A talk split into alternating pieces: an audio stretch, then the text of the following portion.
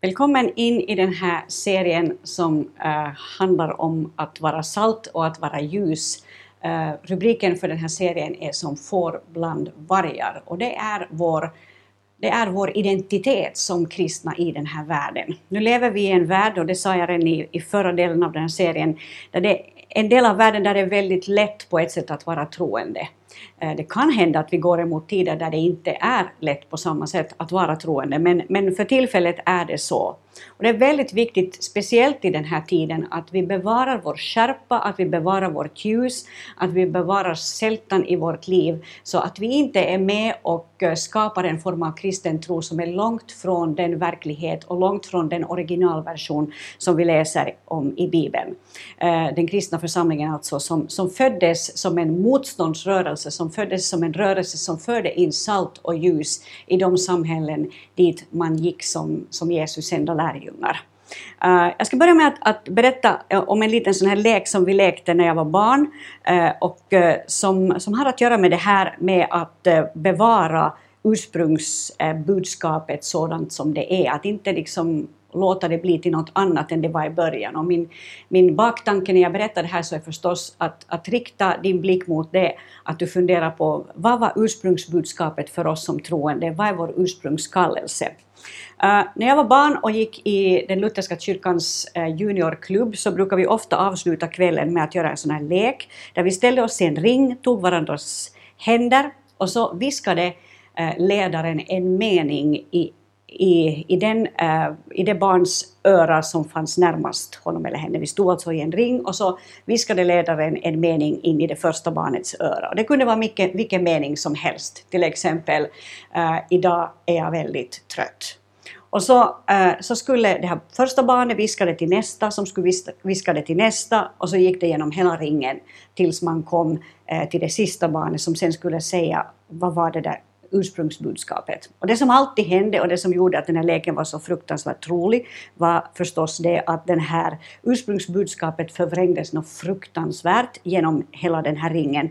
Så det var alldeles oigenkännbart när det sen kom genom alla barns öron eh, till den sista personen. Och eh, jag har många gånger tänkt så här att det här kan nog ha hänt med en hel del av det som var Jesu ursprungsbudskap till sin församling och det som var vår ursprungskallelse. Idag så ska vi tala om att vara världens ljus och jag ska läsa från Matteus 5, ett ord som tangerar det som förra sessionen handlade om, det vill säga om att vara salt. Eh, och eh, nu ska vi tala om att vara ljus, vilket är vår kallelse i den här tiden. Jag läser från Matteus 5, vers 13 till vers 14 och ja, jag tar också vers 15 med. Ni är jordens salt, men om saltet förlorar sin sälta, hur ska man då göra det salt igen? Det duger bara till att kastas ut och trampas ner av människor. Ni är världens ljus. Inte kan en stad döljas som ligger på ett berg, inte heller tänder man ett ljus och sätter det under käppan, utan man sätter det på ljushållaren så att det lyser för alla i huset. Låt på samma sätt ert ljus lysa för människorna så att de ser era goda gärningar och prisar er fader i himlen. Nu läste jag också den sextonde versen. Jesus säger alltså här att vi, den kristna församlingen, är kallade, vi är kallade att vara världens ljus. Vi är kallade att vara ett ljus i Vasa. Vi är kallade att vara det ljus som skiner eh, upp eller som, som liksom lyfter upp staden på ett sådant sätt att människor kan leva i den och, och bo i den. Eh, och det, det är vår grundläggande kallelse. I Filipperbrevets andra kapitel, vers 14 och 16 står det så här, och jag ska läsa det alldeles, alldeles snabbt. Filipper 2, 14-16. Gör allt utan att klaga och tveka, så att ni blir fläckfria och rena, Guds oskyldiga barn, mitt i ett falskt och fördärvat släkte, bland vilka ni lyser som stjärnor i världen. När ni håller fast vid livets ord. Då kan jag berömma mig av er på Kristi dag. Jag har alltså inte sprungit förgäves eller arbetat förgäves. Så Paulus säger att målsättningen med hans arbete, eller ett av, eh, ett av målen med hans arbete är det att han ska få resa upp ett folk som lyser som stjärnor i världen, alltså som, som lever ut budskapet på ett sådant sätt att det finns en sälta i det, det finns ett ljus över det och det finns en frimodighet över det som gör att det inte känns som vilken som helst människa eller som vilket som helst folk utan att det finns helt tydligt en koppling från och en, och en smörjelse från Gud över, över Guds folk. Uh, när, när Johannes eh, ska beskriva att Jesus kommer in i världen, då beskriver han just Eh, ett fenomen som det här ljuset som jag försöker tala om. Eh, det står om det i Johannes evangeliets första kapitel, att när Jesus kommer till, till den här världen så då kommer han som ett ljus. Det står så här, eh, i honom, alltså Jesus, var liv och livet var människornas ljus. Och ljuset lyser i mörkret och mörkret har inte övervunnit det. Alltså när Jesus kommer så var han människornas ljus. Han gick omkring och var som ett ljus. Och han säger ju också om sig själv, jag är världens ljus. Den som tror på mig ska inte vandra i mörkret utan ha livets ljus.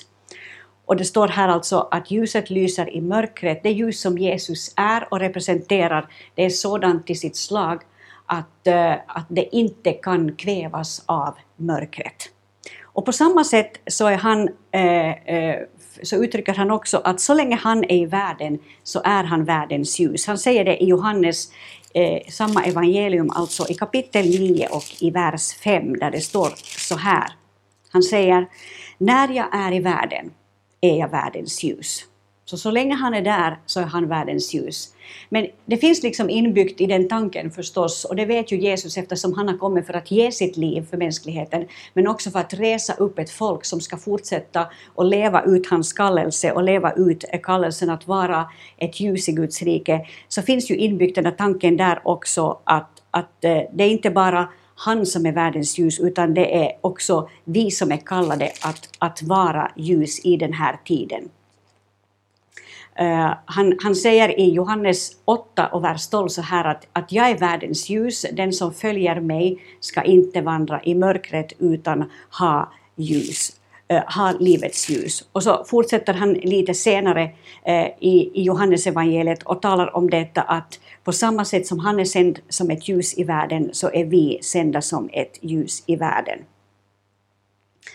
Uh, I Andra Korinthierbrevets fjärde kapitel och sjätte vers så läser vi om det här ljuset, uh, evangeliet som har nått våra hjärtan och som har liksom tänt ljuset inom oss. Det står så här i Andra Korinthierbrevets fjärde kapitel och sjätte vers. Till den Gud som sa ljus ska lysa fram ur mörkret.